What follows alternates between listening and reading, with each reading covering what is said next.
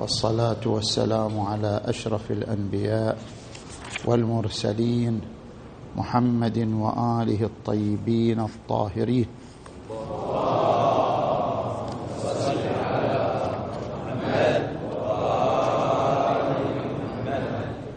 بالنسبة لما يتعلق بيوم عيد الفطر يستحب الغسل في هذا اليوم ووقته منذ طلوع الفجر إلى غروب الشمس على فتوى السيد السيستاني دام ظله. الوقت يمتد من طلوع الفجر إلى غروب الشمس. متى ما اغتسل فغسله يجزي عن الوضوء في أي وقت من هذه الأوقات. وعلى رأي السيد الخوئي قدس سره وقته من طلوع الفجر إلى الزوال يعني إلى الظهر ولا يمتد لما بعد الظهر. فلو أن الإنسان لم يغتسل حتى صار الظهر بعد الظهر يغتسل برجاء المطلوبية لا بنية الاستحباب والغسل بعد الظهر لا يجزي عن الوضوء بخلافه قبل الظهر يجزي عن الوضوء. هذا على رأي السيد الخوئي. أما على رأي السيد الثاني كما ذكرنا يمتد إلى غروب الشمس. متى ما أتى به كان الغسل صحيحا ومجزيا عن الوضوء. إذا اغتسل الإنسان وأراد أن يخرج إلى صلاة العيد كما ورد في الروايات الشريفة يستحب أن يطعم. يستحب للإنسان أن يأكل شيئا قبل أن يخرج إلى صلاة العيد. ففي هذه الرواية المعتبرة رواية محمد بن قيس عن أبي جعفر الباقر عليه السلام. عن أبي جعفر الباقر عليه السلام قال لا تخرج يوم الفطر حتى تطعم شيئا. يعني حتى تأكل شيئا. وفي صحيحة زرارة قال أبو جعفر الباقر عليه السلام كان أمير المؤمنين لا يأكل يوم الأضحى شيئا حتى يأكل من أضحيته ولا يخرج يوم الفطر يعني يوم عيد الفطر حتى يطعم ويؤدي الفطرة. أول يخرج الفطره ثم يصلي صلاة العيد حتى يطعم ويؤدي الفطرة. وكذلك نحن يعني الأئمة وكذلك نحن نفعل ذلك. وفي رواية النوفل قلت لأبي الحسن موسى عليه السلام إني أفطرت يوم الفطر على طين. يعني شنو طين؟ يعني بقدر حمصة من تربة الحسين عليه السلام لغرض الاستشفاء. إني أفطرت يوم الفطر على طين وتمرة. فقال لي جمعت بركة وسنة. يعني الأكل من تربة الحسين عليه السلام بقدر الحمصة لا أكثر. بقصد الاستشفاء هذا بركة. والأكل وأكل تمرة سنة. قال جمعت بركة وسنة. لو لم يحصل افترض إنسان طلع الآن صلى صلاة العيد بعد وما هذا شو يسوي؟ الاستحباب باقي. يمكنه بعد صلاة العيد أن يتناول بقدر الحمصة من تربة الحسين عليه السلام بغرض الاستشفاء وأن يأكل تمرة استنانا بسنة النبي الأعظم محمد صلى الله عليه وآله.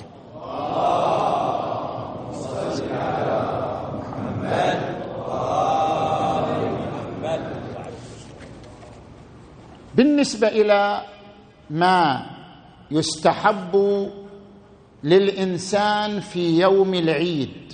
يوم العيد مو يوم ضحك ولا يوم لهو ولا يوم مزاح.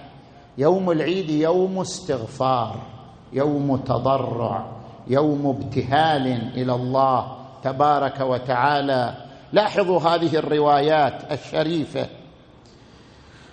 عن جابر الجعفي عن أبي جعفر الباقر عليه السلام. قال قال النبي صلى الله عليه وآله إذا كان أول يوم من شوال نادى مناد أيها المؤمنون اغدوا إلى جوائزكم. شنو الجوائز؟ يعني الثواب المثوبات. اغدوا إلى جوائزكم. ثم قال يا جابر جوائز الله ليست بجوائز هؤلاء الملوك. هناك قسم من الناس يدخل مثل هذه الأيام على الملوك وعلى الولاه ليأخذ شيئا من عندهم. أنتم في يوم العيد الجأوا إلى إلى الله. جوائزكم من الله وليست جوائزكم من الملوك والولاه جوائز الله ليست بجوائز هؤلاء الملوك.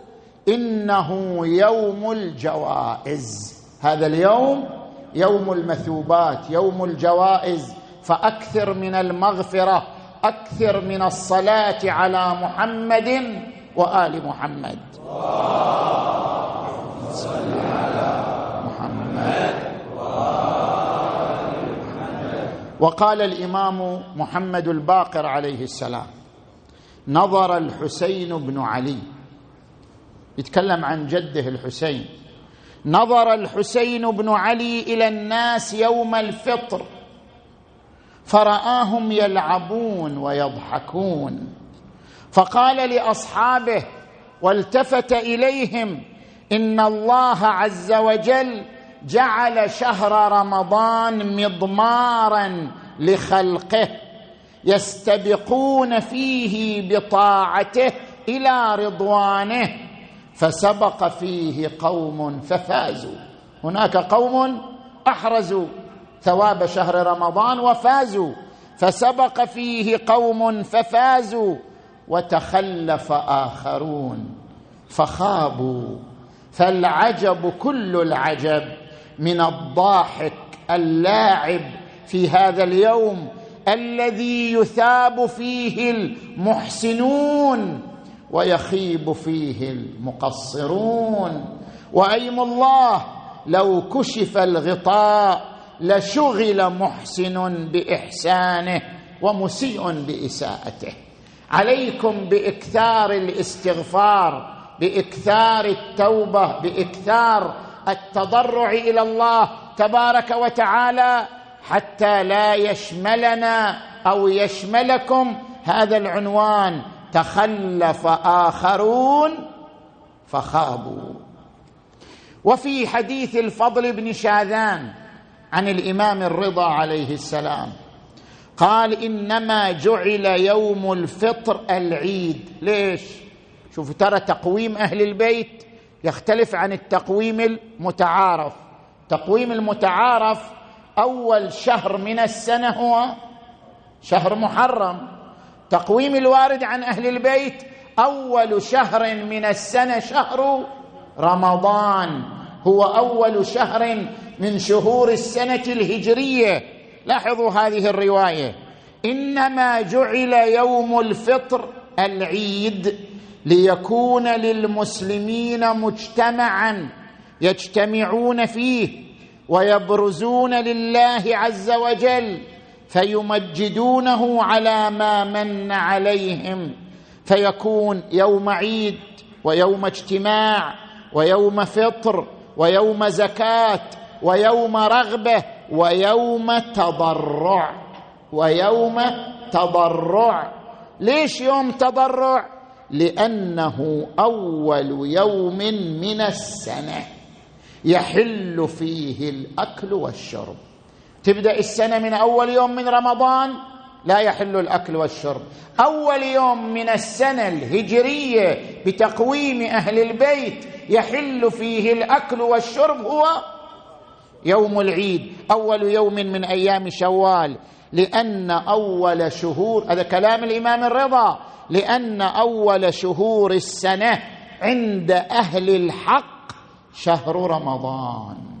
فأحب الله عز وجل أن يكون لهم في ذلك مجمع يحمدونه فيه ويقدسونه. لاحظوا الإمام أمير المؤمنين عليا عليه السلام كيف يتحدث في يوم الفطر. عن أبي عبد الله الصادق عليه السلام عن آبائه عليهم السلام قال خطب أمير المؤمنين علي عليه السلام يوم الفطر فقال أيها الناس إن يومكم هذا يثاب فيه المحسنون ويخسر فيه المسيئون وهو أشبه يوم بقيامتكم. يوم العيد يشبه يوم القيامة وهو أشبه يوم بقيامتكم. فاذكروا بخروجكم من منازلكم إلى مصلاكم خروجكم من الأجداث إلى ربكم. واذكروا بوقوفكم في مصلاكم وقوفكم بين يدي ربكم. واذكروا برجوعكم إلى منازلكم رجوعكم إلى منازلكم في الجنة أو النار. اللهم أعذنا من النار. اللهم اجعلنا في هذا اليوم المبارك من عتقائك من جهنم وطلقائك من النار وسعداء خلقك بمغفرتك ورضوانك يا أرحم الراحمين. من مستحبات هذا اليوم ربما بعض الناس يستغرب المرحوم العلامة الشيخ منصور البيات قدس الله نفسه كان يوم العيد يقرأ تعزية. ويبكي. يوم العيد يستغل في التعزية والبكاء. والناس كانوا يستغربوا يقول هذا يوم عيد يوم بهجة يوم فرحة. ليش الشيخ يقرأ تعزية ويبكي؟ هذا أمر مستحب. استناد إلى الروايات الشريفة. هو يجري وفق المستحب الوارد في الروايات الشريفة. لاحظوا هذه الرواية. عن أبي جعفر الباقر عليه السلام. قال الإمام الباقر يخاطب عبد الله بن ذبيان يا عبد الله ما من يوم عيد للمسلمين أضحى ولا فطر إلا وهو يجدد الله لآل محمد عليه وعليهم السلام فيه حزنا. لا يمر عليهم يوم عيد إلا ويجددون فيه الحزن إلا ويجدد الله لآل محمد عليه وعليهم السلام فيه حزنا. قلت ولم؟ قال إنهم يرون حقهم في أيدي غيرهم. دخل دعبل الخزاعي على الإمام الرضا عليه السلام وأنشد قصيدته التائية المشهورة إلى أن وصل إلى هذا البيت أرى فيئهم في غيرهم متقسما وأيديهم من فيئهم صفراتي. فقلب الإمام الرضا عليه السلام كفيه وقال صفرات صفرات. أي أن الحق اغتصب من قبل الآخرين وأصبحت أيديهم صفرا مما جعله الله تبارك وتعالى إليهم صلوات الله وسلامه عليهم أجمعين. اذا هذه هي المستحبات المنظورة في مثل هذا اليوم المبارك ألا وهو يوم عيد الفطر. نسأل الله تبارك وتعالى أن يشملنا في هذا اليوم بنظر مولانا صاحب العصر والزمان وأن يشركنا في دعائه وأن يعمنا ببركته وصلواته ومناجاته. صلوات الله وسلامه عليه وعلى آبائه الطيبين الطاهرين. وآخر دعوانا أن الحمد لله رب العالمين. والصلاة والسلام على محمد وآله الطيبين الطاهرين. صل على محمد.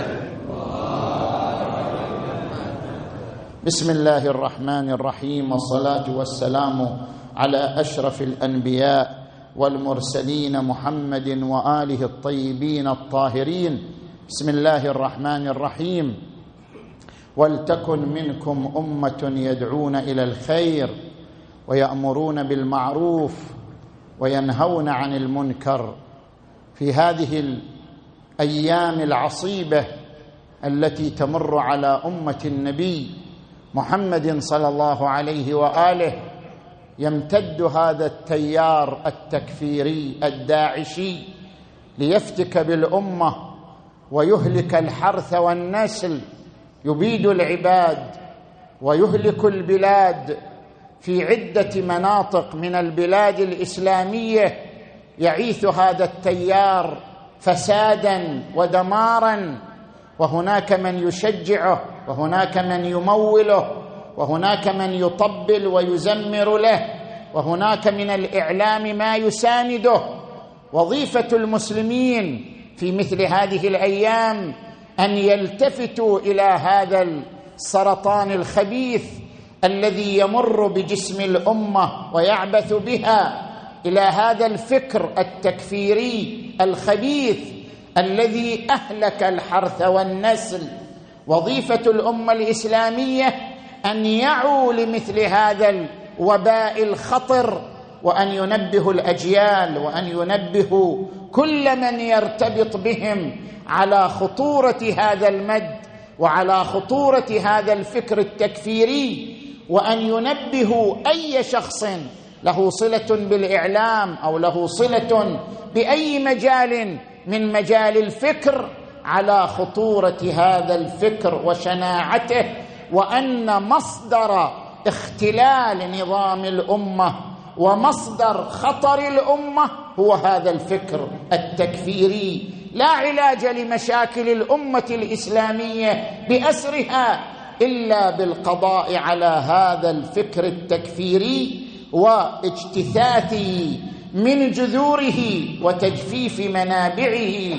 كنتم خير أمة أخرجت للناس تأمرون بالمعروف وتنهون عن المنكر ولتكن منكم أمة يدعون إلى الخير ويأمرون بالمعروف وينهون عن المنكر. نسأل الله تبارك وتعالى أن يحفظ المسلمين من شر هؤلاء الأشرار.